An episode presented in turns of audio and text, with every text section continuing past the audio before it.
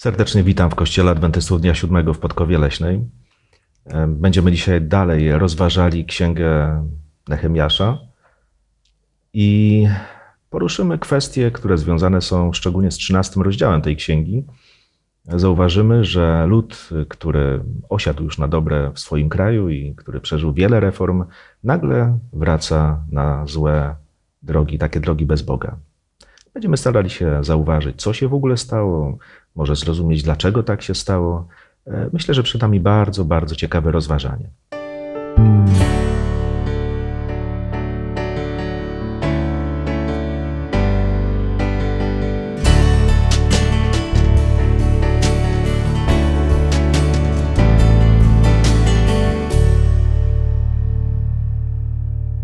Razem ze mną e, w rozważaniu Bożego Słowa dzisiaj biorą udział mm, Krystyna, Małgosia, Dawid, a ja na imię mam Mariusz. Poprośmy Boga o błogosławieństwo dla naszego dzisiejszego rozważania. Dobry Panie Boże Ojcze, chciałbym Cię bardzo prosić o Twoje prowadzenie i obecność na dzisiejszym studium, abyśmy mogli z Twoją pomocą przestudiować ten temat, żebyś Ty przez swojego ducha pomógł nam to rozumieć i właściwie to zagadnienie przedstawić. Proszę o to, Panie Boże, bądź z nami w imieniu Pana Jezusa. Amen. Amen.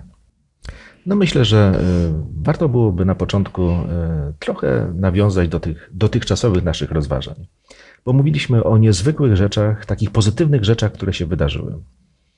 Pamiętam bardzo dokładnie to rozważanie, kiedy sięgaliśmy do opisu, jak to czytanie prawa Bożego wywarło taki wpływ na ludziach, że e, skończyło się to jakimś zbiorowym płaczem, szlochaniem, e, a w efekcie ludzie wyznawali grzechy swoje Panu Bogu.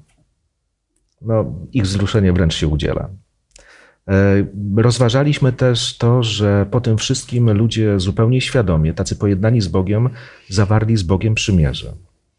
Że przechodzili różne próby, bo tak wygląda życie, ale zwyciężali w tych próbach.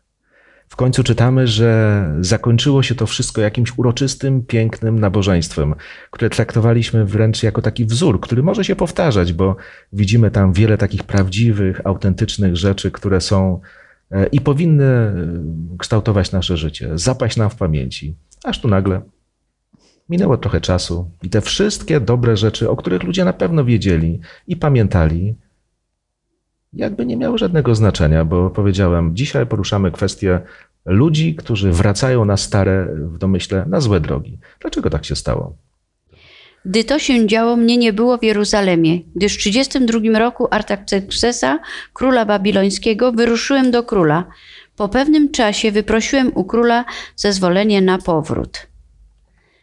A więc działo się to, właśnie za, odstąpił Juda, czyli tam Jeruzalem, Jeruzalejczycy, odstąpili od Boga właśnie wtedy, kiedy nie było Nehemiasza. Wtedy powrócili na złą drogę. Czyli widać, że Nehemiasz e, naprawdę miał taki bardzo dobry wpływ. Kształtował postawę ludzi. Kiedy mówimy o tym, że wszystko to działo się w 32, 32 roku panowania króla Artaxerxesa, to był rok e, około 433 przed naszą erą. E, I tak mniej więcej odnajdujemy to na osi czasu. Natomiast słuchajcie, no może dobrze byłoby poczytać właśnie, co się takiego stało. Nie ma Nehemiasza i co takiego złego się dzieje. Może na początku skoncentrujmy naszą uwagę na wydarzeniach opisanych w 13 rozdziale tej księgi, od wiersza pierwszego do dziewiątego. Porozmawiajmy o tym również. No tam się wydarzyło coś, co Nehemiasza bardzo oburzyło i na co zareagował, no trochę też, y, nie wiem czy impulsywnie, ale w taki sposób bardzo widać, że go to przejęło. Sprawy związane ze świątynią. Ja może przeczytam tutaj chociaż y, jeden urywek, ósmy werset chociażby. Oburzyło mnie to bardzo, więc kazałem wyrzucić wszystkie sprzęty domowe Tobiasza z komnaty. W jakiś sposób y, rzeczy Tobiasza, który był amonitą, e, znalazły się w świątyni, doprowadził do tego tak naprawdę arcykapłan, który powinien o tę świątynię dbać, i pomieszczenie, które było przeznaczone na rzeczy takie świątynne, on przekazał poganinowi. e, ten człowiek, ten poganin mógł w tej świątyni przebywać, mieszkać, co jednocześnie no, w tamtych e, czasach oznaczało, że on był traktowany przez tego arcykapłana jako jakiegoś takiego wysokiego urzędnika, no i niemalże, y, no nie, można, nie można powiedzieć może kapłana, no ale kogoś takiego bardzo ważnego jak kapłan. E, Więc była taka profanacja świątyni, co miało straszny skutek też w zachowaniu y, Izraelczyków. I to Nehemiasza ogromnie oburzyło i od razu, to co jest, to jest piękne, że on jakby w tych sprawach najważniejszych, które on uważał jako profanację, jako coś, co było absolutnie no, przestępstwem, grzechem, on od razu bierze się do pracy i od razu reaguje. Zobaczcie, te pomieszczenia, tak jak czytamy w wersecie piątym, jest powiedziane, urządził mu przestronną komnatę. To nie był jakiś tam pokoik, ale gdzie? Tam, gdzie wcześniej przechowywano rzeczy służące ofiarom z pokarmów, kadzidło i inne y, sprzęty. Składano tam dziesięcinę ze zboża, moszczu, oliwy oraz plony ofia- ofiarowane kapłanom. No za chwilę będziemy mówili o tym, y, dlaczego to miejsce w ogóle było puste może. Ale dzieje się coś bardzo dziwnego.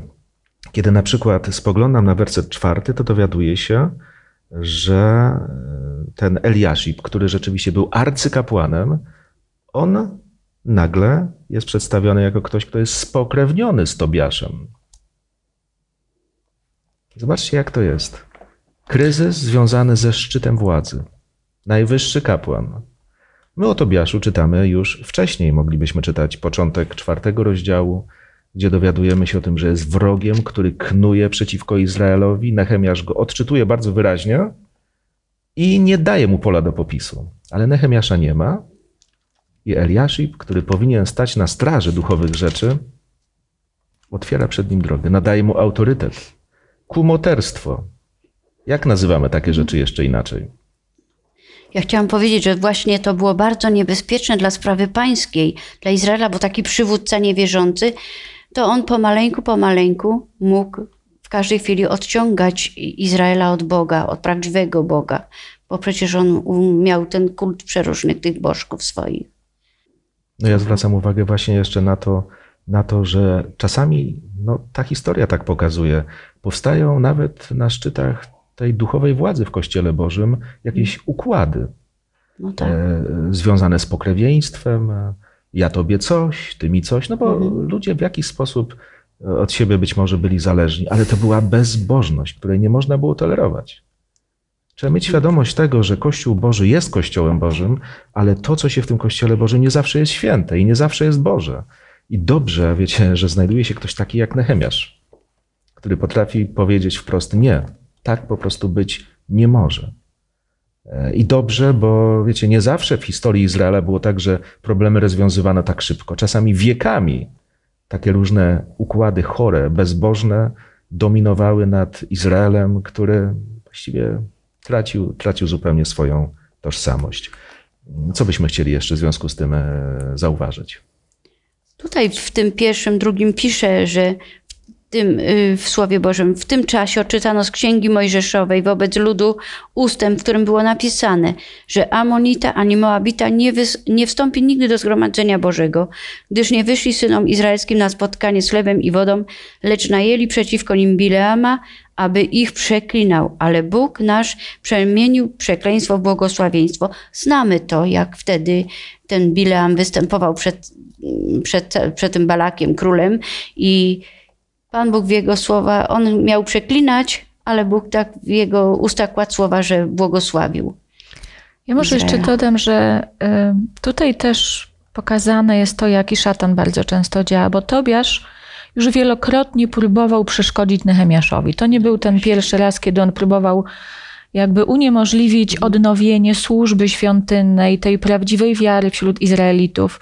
I jeżeli słudzy Boży czy lud Boży w jakimś stopniu poluźniał czy y, odstąpiał od Boga, to szatan gdzieś tam zawsze znajdzie drogę, jeżeli nie w ten sposób, to w drugi sposób, żeby zwieść. I szczególnie jest to ważne właśnie no, wśród przywódców.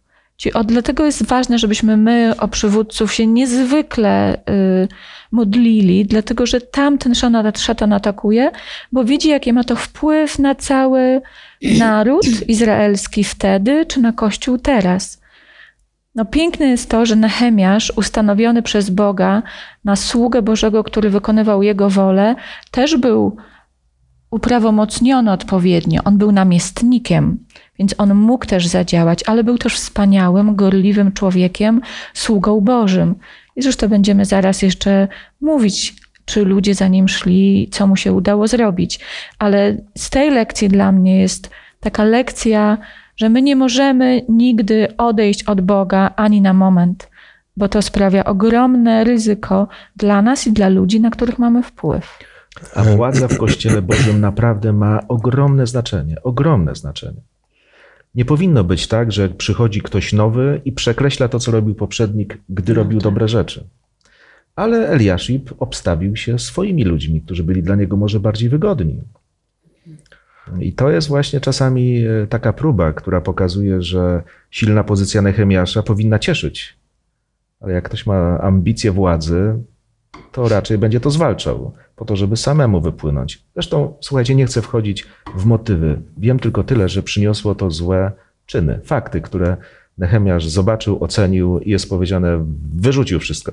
Bardzo emocjonalne zachowanie, ale myślę, że kiedy ludzie to widzieli, co robi, co robi Nehemiasz, to mówili, w końcu mamy prawdziwego przywódcę, który tym, co jest prawe, nazwał prawym, a to, co lewe, nazwał lewym. I nie tylko podsmokał, jak to jest źle, ale zrobił z tym po prostu porządek. No tak. Bo to jest nie przywilej, to jest obowiązek kogoś, kto jest władzą. Ważne jest to też, że się nie bał. Jeżeli człowiek wie, że pełni wolę, bo, wolę Bożą i widzi, co się takiego złego dzieje, po prostu trzeba w odpowiednim momencie reagować. I czasami trzeba reagować stanowczo. Mi się wydaje też, że trzeba zauważyć też, że być może tak było, że Nehemiasz w swojej jakby mm, w swojej gorliwości czy w swoim mm, e, postrzeganiu postawił ludzi, którzy mogą, mogli być po prostu, nie, po prostu nieszczerzy w tym, co, co, mm, co sobą reprezento- reprezentowali, więc y, y, mogło tak być, że po prostu nie tylko szatan atakował, ale po prostu sami ludzie byli może nie do końca oddani Bogu, prawda? No, ewidentnie nie byli oddani Bogu, ale zobaczcie, Nehemiasz to nie był człowiek, który ustanawiał arcykapłana. Nie, on po prostu przyszedł, no i był ktoś arcykapłanem i mówimy, no właśnie współpracować trzeba z każdym. Owszem, ale nie, nie wszystkimi się daje współpracować tak bez e, jakiegoś takiego em, no, zaangażowania, oceny. Władza sama przez się nie jest czymś świętym. Ci ludzie rzeczywiście tego zaufania mm, nie powinni mieć po swojej stronie. Natomiast zobaczcie, idąc dalej, patrzymy na wersety od 10 do 14, gdzie mamy wyjaśnienie kolejnego problemu, który zaistniał. Po części związane z tym, co tam już wcześniej rozważaliśmy, e, ale co jeszcze jest powiedziane tutaj w tych wersetach od 10 do 14? E, W tych wersetach jest, jest powiedziane o tym, że e, Judejczycy, Izraelici przestali składać dziesięcin, dziesięciny e, do skarbnicy Bożej i przez to e, ci, którzy pełnili służbę w świątyni, no, nie mieli wystarczających środków na utrzymanie i zaczęli porzucać swoje zajęcia i zajmować się czymś innym. No, było to spowodowane między innymi tym, że właśnie Judejczycy widzieli, że jaka sytuacja się właśnie wydarzyła z, z kapłanem Eliaszibem i Tobiaszem i to, to ich zniechęcało do tego, żeby składać e, dary i ofiary. Ciekawy wątek poruszyłeś. Zobaczcie, czasami tak mówimy, no ludzie nie oddają dziesięciny, więc co tu by zrobić? Może jakieś seminarium na temat szafarstwa? Na zasadzie dajcie, dajcie, bo taki jest tekst Pisma Świętego? No to tak nie działa. Ludzie czasami tracą zaufanie i to jest forma wyrażenia swojego niezadowolenia. A więc, żeby wszystko działało, to nie wystarczy e, wydać książki, która pięknie opisuje dziesięcinę. Trzeba czegoś więcej. Ludzie dają e, na coś, mówimy to jest oczywiście niezależnie od wszystkiego, to człowiek powinien oddać bez zastanowienia, ale jednak to wszystko funkcjonuje dobrze wtedy, kiedy ludzie mają zaufanie e, i potrafią się z ideami, które gdzieś realizowane są za te środki, po prostu utożsamiać. Tam niestety było zepsucie. A mówię o tym dlatego, że mamy taki cytat w tym tygodniu, który między innymi rozważaliśmy. Cytat z e, autorstwa Ellen White, która mówi o tym, że nie tylko dopuszczono się profanacji świątyni, ale niewłaściwie zarządzano e, darami, zniechęcało to lud do ofiarności, e, wyznawcy tracili gorliwość, zniechę- niechętnie oddając dziesięcinę. No, efektem tego było tego, że lewici musieli porzucić to, co robili i zajęli się utrzymaniem własnych domów. Bardzo smutna historia. Bardzo smutna historia, ale konsekwencja złych rządów. Co się Ja by- dzieje więc? Ja bym jeszcze dodała, że znowu mi się bardzo podoba tutaj postawa Nehemiasza, że on ten problem rozwiązuje bardzo stanowczo. A w jedenastym wersecie możemy czytać: Zgromiłem tedy zwierzchników i powiedziałem, dlaczego jest zaniedbany dom Boży. E, Myślę, że czasami znowu sprawa dziesięciny w Biblii, sprawa dziesięciny jest bardzo jasno przedstawiona i przedstawiony jest też cel, na, to, na co te dary powinny być przeznaczone. I y, Nehemiasz też jakby nie oburza się personalnie, e, nie denerwuje się na ludzi, że wy jesteście źli, tylko idzie do sedna sprawy. Dom Boży, sprawy domu Bożego są zaniedbane.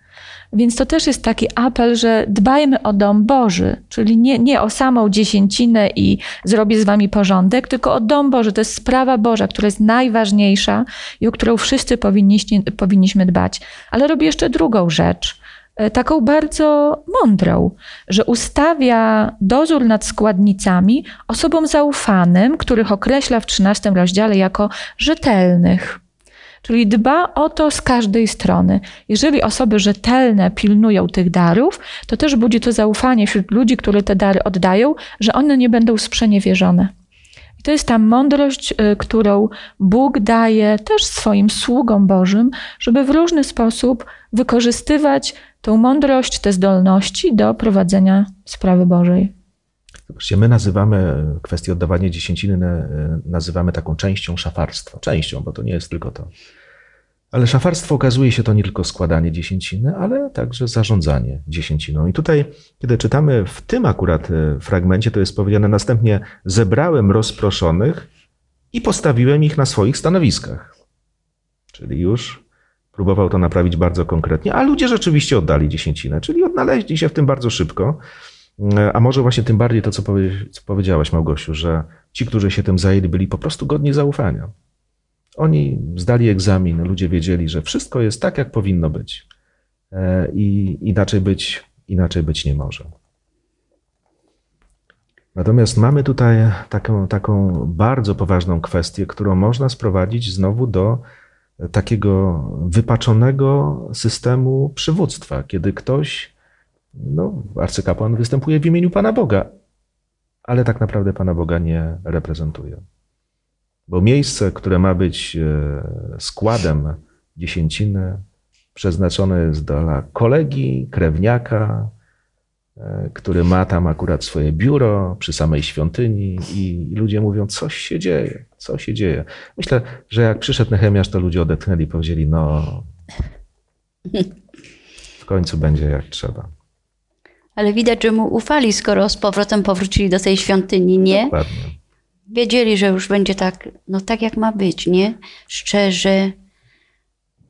Tak, no. A kiedy mówimy o dziesięcinie, słuchajcie, to w ogóle gdybyśmy tak chcieli krótko określić, jakie jest przeznaczenie, co te słowa Boga gdzieś opisane i w Starym, i w Nowym Testamencie mówią o y, no, chociażby przeznaczeniu dziesięciny, o tym, jak to wyglądało. No to Pan Bóg ustanowił dziesięcinę dla, fun- dla funkcjonowania Kościoła. Bez dziesięciny Kościół, czy, czy tam w dawnych czasach świątynia, no nie funkcjonowałaby. Nie byłoby ludzi, którzy są na stanowiskach, którzy no, mają prowadzą tą całą No organizację, my to wszystko rozumiemy, się. my to wszystko rozumiemy, ale tak gdybyśmy chcieli się odnieść do fragmentów Pisma Świętego, to Bóg powiedział, owszem, no dziesięcina jest moja, Mhm. y, ale jakie fragmenty Biblii mówią o tym, jakie jest konkretne przeznaczenie? Ja może przeczytam z czwartej księgi Mojżeszowej, 18 rozdział i 21 werset, który to bardzo jasno przedstawia. Lewitom zaś dałem oto jako dziedzictwo każdą dziesięcinę w Izraelu za ich służbę, którą spełniają w namiocie zgromadzenia. Tak, czyli lewici. Dalej byśmy czytali, że lewici z dziesięciny, które dostają, też oddają dziesięcinę, więc to błogosławieństwo oddawania dziesięciny jest yy, i obejmuje wszystkich. E, I to jest, to jest też bardzo takie konsekwentne. Malachiasz na przykład, kiedy trochę znowu się skarży na lud Boży, to mówi oddajcie Panu Bogu całą dziesięcinę, a więc 10% to 10%, a nie 8, ani 7.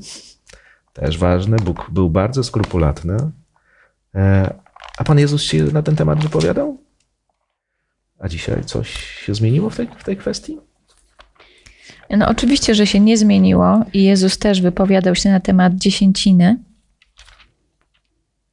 I między innymi możemy czytać y, w 23 rozdziale Ewangelii Mateusza i 23 werset. Biada wam uczeni w piśmie i faryzeusze, obłudnicy, że dajecie dziesięcinę z mięty i z kopru i z kminku, a zaniedba, zaniedbaliście tego, co ważniejsze w zakonie. Sprawiedliwości, miłosierdzia i wierności. Te rzeczy należało czynić, a tamtych nie zaniedbywać. Tak. A więc system trwa. Ale nie jest to, zobaczcie, znowu tylko wołanie o pieniądze czy o jakieś inne materialne środki.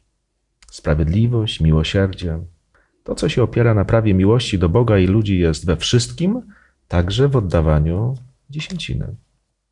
Później jeszcze apostoł Paweł, kiedy mówi już o takim życiu Kościoła chrześcijańskiego, mówi: Czy nie wiecie, że kapłani ze świątyni kiedyś żyli? Tak też postanowił Pan, żeby ci, którzy Ewangelię zwiastują, z Ewangelii też żyli. A więc jest takie przeniesienie tego systemu wspierania lewitów czy zwiastujących Ewangelię i w Starym, i w Nowym Testamencie. No, byśmy powiedzieli, zasada jest, ale z samego tego kryzysu, który tutaj zaistniał, warto się nauczyć, wszyscy musimy się nauczyć, jak to powinno funkcjonować, żeby miało to znamiona e, tego, o co Panu Bogu chodziło. Ale idźmy dalej. Kiedy spoglądamy na wersety 15, 16, zauważamy tu kolejny problem. No, no właśnie, no to tutaj mamy w 15 i 16 wersecie pisze, że w owych dniach stwierdziłem, że w Judei wytłaczano w sabat wino w tłoczniach, zwożono snopy, nakładając je na osły, a także wino, winogrona, figi i wszystkie inne ciężary i sprowadzano w dzień sabatu do Jerozolimu. Ostrzegłem ich przeto, aby w tym dniu żywności nie sprzedawali. Również Tyryjczycy, którzy w nim mieszkali, sprowadzali rybę i wszelki towar i sprzedawali w sabat Judejczykom także w Jerozolimie. Czyli to czynili to, co nie, nie powinno się, no, handlować, y, pracować, bo przecież z pola zwozili te snopy, to wszystko. No dlatego ostrzegał ich przed tym y, Nehemiasz, zgrom, zgromił ich i powiedział im, że nie wolno, że Święta na pewno nie było wyczuć, można było w tym Nie, dniu, nie, bo Dzień było- jak dzień. Handel, Tak. praca, zakupy.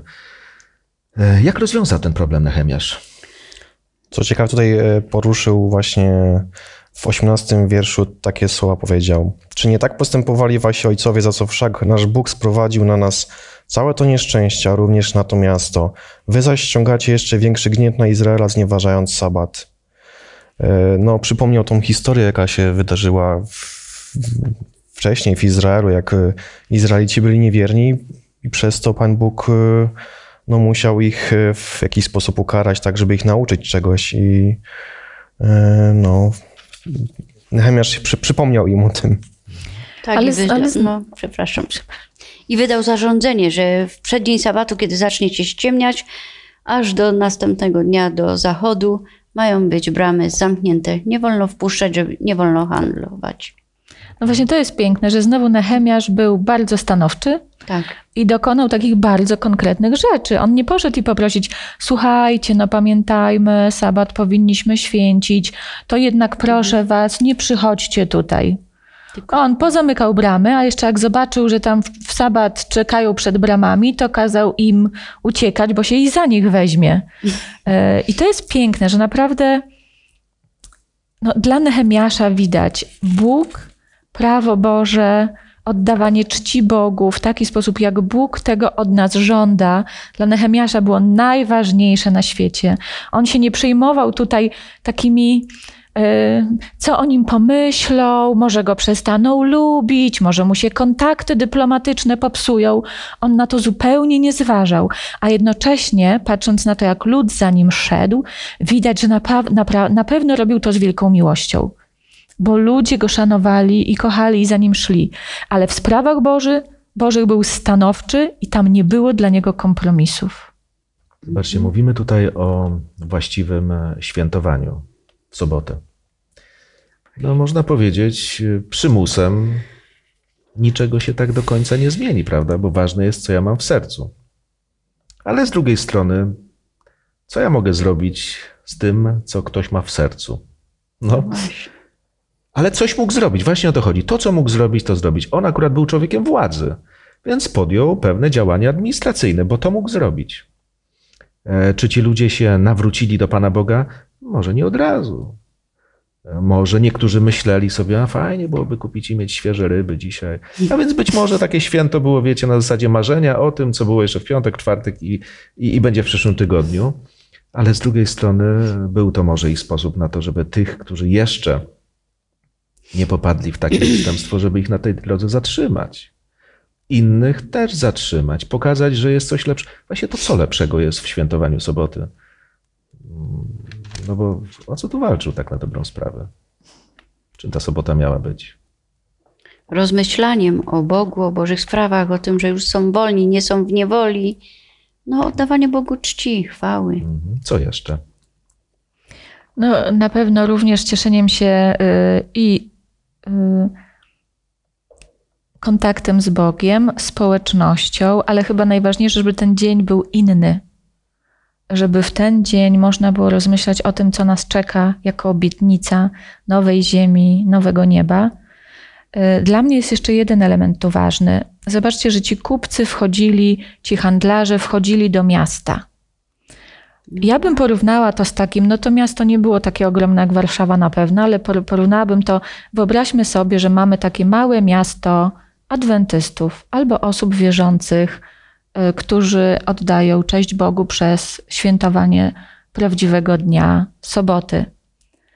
I w czasie soboty po ulicach miasta chodzą handlarze, rozstawiają swoje stragany. Jest generalnie atmosfera takiego handlu, i porównajmy to do miasta, które, w którym w ogóle nie ma handlu, ale są ludzie, którzy odkładają na bok wszystkie swoje problemy, swoje kłopoty, kupowanie, sprzedawanie i skupiają całą swoją uwagę na Bogu, na Jego obietnicach, na społeczności z innymi ludźmi wierzącymi. W, którym atmos, w której atmosferze zbliżamy się do Boga, a w której atmosferze się od Boga oddalamy.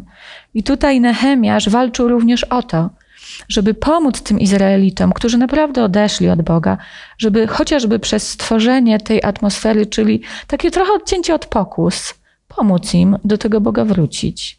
I to, to właśnie chodzi. Zobaczcie, to nie jest kwestia tylko 24 godziny, godzin innych niż poprzednie. Poprzednie też powinny być dobre.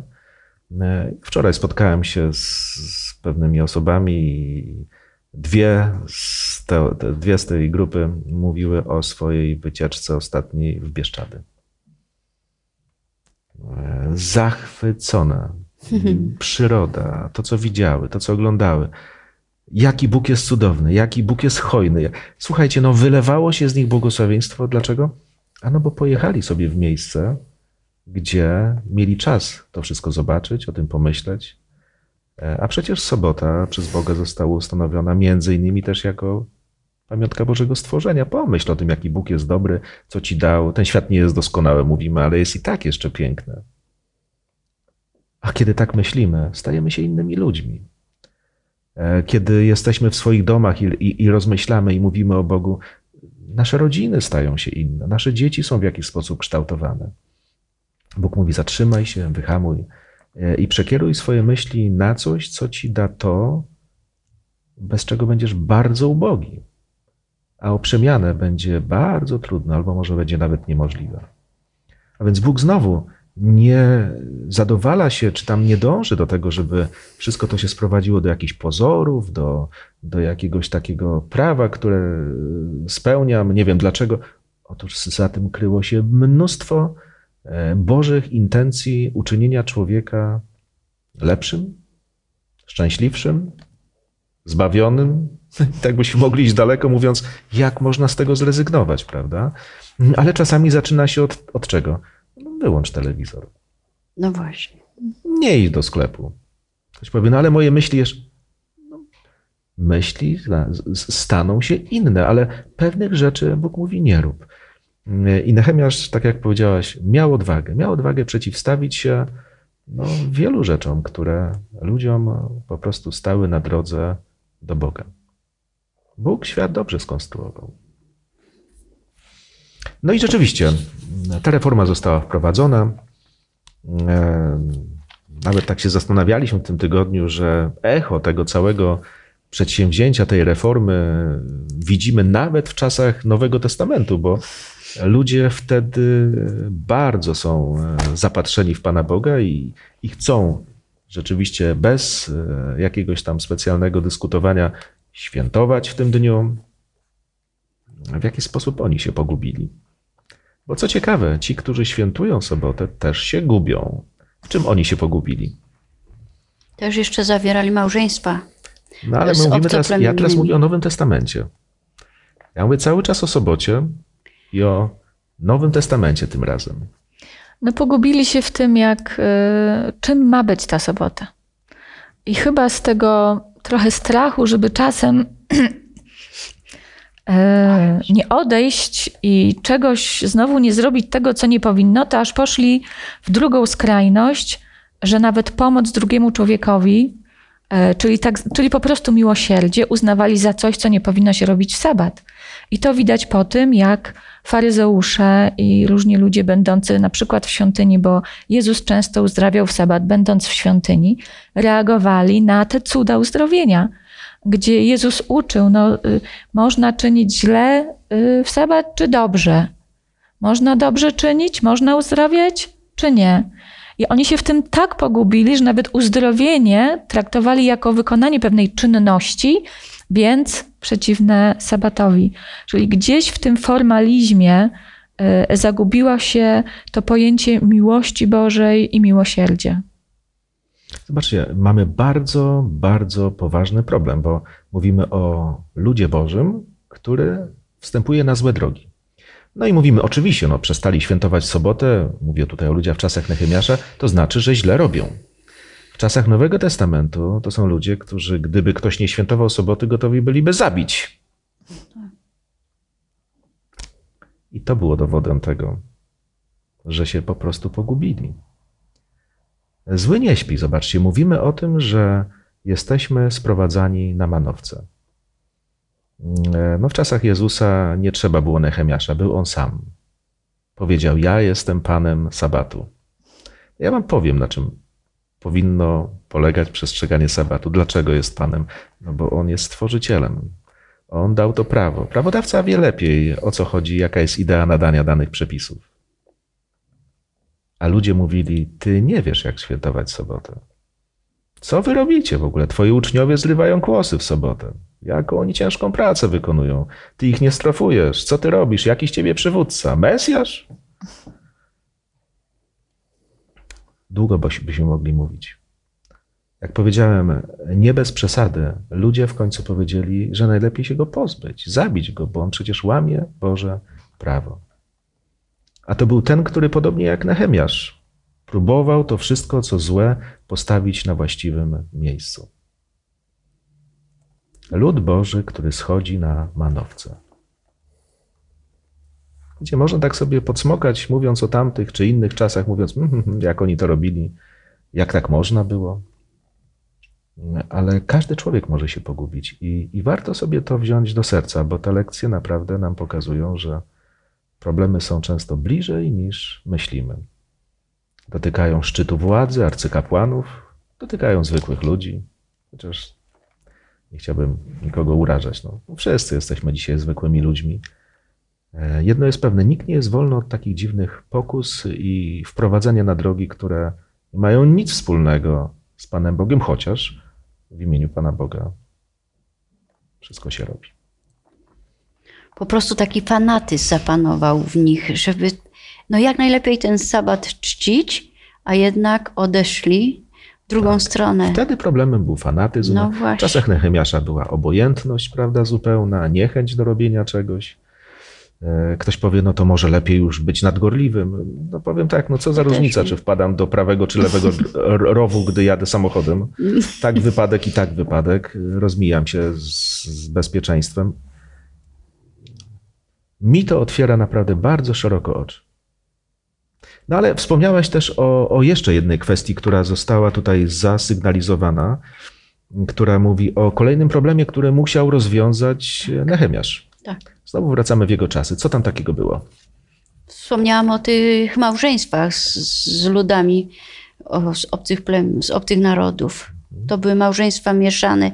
Dzieci już nie umiały mówić po żydowsku, przeróżnymi językami mówili. I te religie już były, już ta prawdziwa religia nie była wśród tych małżeństw no taką, jaka powinna być, tylko już pół na pół możemy powiedzieć. I Bogu oddawano cześć, i bałwochwalstwu też. No to tak chciałbym sobie wyobrazić taką drogę pół na pół. Trochę oddaję, No było, trochę no nie. to tak, no tak To piszemy, tak chyba tak. nie działa nawet, ale dobrze, nie będę się teraz e, nad tym rozwijał. Popatrzcie, trzynasty rozdział rozpoczynał się od tego, że wszyscy przeczytali, Moabita, Amonita nie wejdzie do ludu Bożego. Tak. No i tutaj był problem tego Tobiasza, prawda, który poprzez jakąś tam znajomość rodzinną nagle Małżeństwo. znalazł e, uprzywilejowane miejsce we władzach Kościoła, byśmy powiedzieli, we władzach ludu Bożego. Ale powiedzenie mówi, że ryba psuje się od głowy. I tutaj czytamy o ludziach, licznych przedstawicielach narodu, którzy też biorą sobie właśnie Amonitów, Moabitów, czy Moabitki, Amonitki. No nie tylko mieszkańcy Ażdodu to są Filistyni, Filistynki. Znaczy powiem tak, może szczegółowo będzie to rozważane już w przyszłym tygodniu, więc nie musimy tego rozważać e, bardzo, bardzo szeroko. Ale co byśmy chcieli tak krótko powiedzieć jeszcze w związku z tym? Ja bym powiedziała, że jednak ważne jest, że przez całą y, Biblię Bóg pokazuje, że Bóg kocha każdego człowieka i Bóg jest Bogiem pogan również. Jeżeli poganie się do Boga nawracają, to On jak najbardziej, oczywiście ma zbawienie też dla pogan, ale tutaj widać, że to nie chodziło o pogan nawróconych, tylko o pogan, którzy oddawają cześć swoim bożkom, taka konsekwencja dosyć ważna, o czym Kluś już wspomniałaś, że te dzieci takich, z takich związków już nie mówiły po żydowsku. Co tylko oznacza, w jaki sposób te rodziny wychowywały swoje dzieci. Jeżeli tak wychowywały, no to też i rodziny dawno odeszły od Boga. Więc to, to jest to niebezpieczeństwo tych y, współmałżonków, niewierzących, no co Bóg ostrzega przed tym. Dokładnie. I Bóg konsekwentnie o tym mówi. E, No chciałbym powiedzieć, no w jakim, w jakim języku te dzieci miały mówić, skoro matki mówiły w obcych językach? No kto dzieci wychowuje? Kto im poświęca większość czasu? Wiadomo, że matki, kobiety. A więc tak to wyglądało. Ale zobaczcie, ta postawa, o której często mówiliśmy, bardzo zdecydowana, e, opisana jest między innymi w wersecie 28. Czytam. Gdy zaś jeden z synów Jojady, który był synem arcykapłana Eliashiba, no więc y, widzimy skalę znowu problemu, e, został zięciem Choronity Sanballata, wypędziłem go od siebie. Nie chciał z nim współpracować. E, O tym, jak e, radykalne rozwiązania jeszcze miały miejsce, mówię, porozmawiamy sobie zapewne, czy będziemy e, świadkami tych rozważań, które będą miały miejsce już w przyszłym tygodniu. E, Ale widać, że problemy są i zawsze były. Mm, Natomiast kiedy jest dobra władza, to problemy są rozwiązywane. Kiedy jest zła władza w kościele, to problemy się mnożą. E, I dałby Bóg, żebyśmy rzeczywiście mogli prowadzić takie życie no najlepsze jak to możliwe. Nie według jakichś tylko twardych zasad, ale takich zasad, które są rzeczywiście zgodne i z literą, i z duchem prawa, które, które Bóg nadał, bo to jest dla, dla naszego dobra. Nehemiasz bardzo dbał o to, żeby ludzie, którym przewodzi, odnaleźli się w tym wszystkim. I co ciekawe, jestem zachwycony postawą ludzi, którzy chyba byli szczęśliwi, że mają kogoś, kto dba o to, co powinno być w ludzie Bożym. Szli za nim, słuchali go. Te reformy można było wprowadzić w czyn. Zobaczcie, gdyby był osamotniony, nic by nie zrobił. Ludzie go jednak słuchali. I dałby Bóg, żebyśmy rzeczywiście w tym potrafili się zawsze odnaleźć, po prostu umieć słuchać i umieć reagować, nawet kiedy się pogubimy, bo ja nie chciałbym, żebyśmy tworzyli wrażenie, że oni to mieli problemy i w czasach Nowego Testamentu oni mieli problemy, a my, obyśmy nie byli jak ci oni. No chyba tylko po to o tym mówimy. Mamy być mądrzejsi. Mamy być po tej właściwej stronie, jeżeli chodzi o, o życie. Dziękuję Wam bardzo, słuchajcie, za, za, za udział, za e, to wspólne rozważanie. Wydawałoby się jeden rozdział, ale taki esencjonalny, tyle treści. E, No, naprawdę wiele, wiele rzeczy. Myślę, że jeszcze do przemyślenia. I dałby Bóg, żebyśmy mogli z tego skorzystać. E, Nam wszystkim, i tym zgromadzonym gdzieś tam po drugiej stronie, słuchających naszego rozważania, bardzo dziękuję, abyśmy mogli e, gdzieś tego, z tego wszystkiego skorzystać. To będzie chyba najlepsza rzecz, jaka nas może spotkać. Zakończmy nasze rozważanie też i wspólną modlitwą. Panie nasz Boże, ogromnie Ci dziękujemy za, za te prawdy Twoje i za te lekcje, które, z których możemy czerpać i uczyć się. I proszę Cię, błogosław przywódców w naszym kościele, czy wszystkich, wszystkie osoby, które mają wpływ na innych. Daj nam, Panie, wszystkim Ducha Twojego Świętego, abyśmy wiedzieli, jak postępować.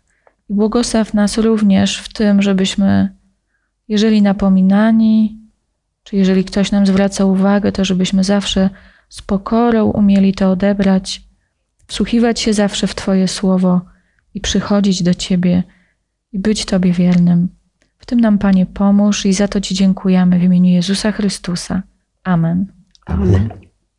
Zapraszam na kolejne rozważanie e, Pisma Świętego. E, Już następnym razem będzie poruszany temat, jak sobie radzić ze złymi decyzjami. Oby takich nie było, ale kiedy przychodzą, e, no tak jak z problemami. Dobrze jest, kiedy ich nie akceptujemy, ale po prostu szukamy rozwiązania. Jak? No, nie jest łatwo o tym mówić. Zobaczymy, jak to zrobił Nehemiasz. E, I zobaczymy gdzieś być może we własnej duszy, jak byśmy chcieli rozwiązywać problemy, które nas dotykają. Ale to jest oczywiście rozważanie za tydzień. Jeszcze raz serdecznie dziękuję i do zobaczenia.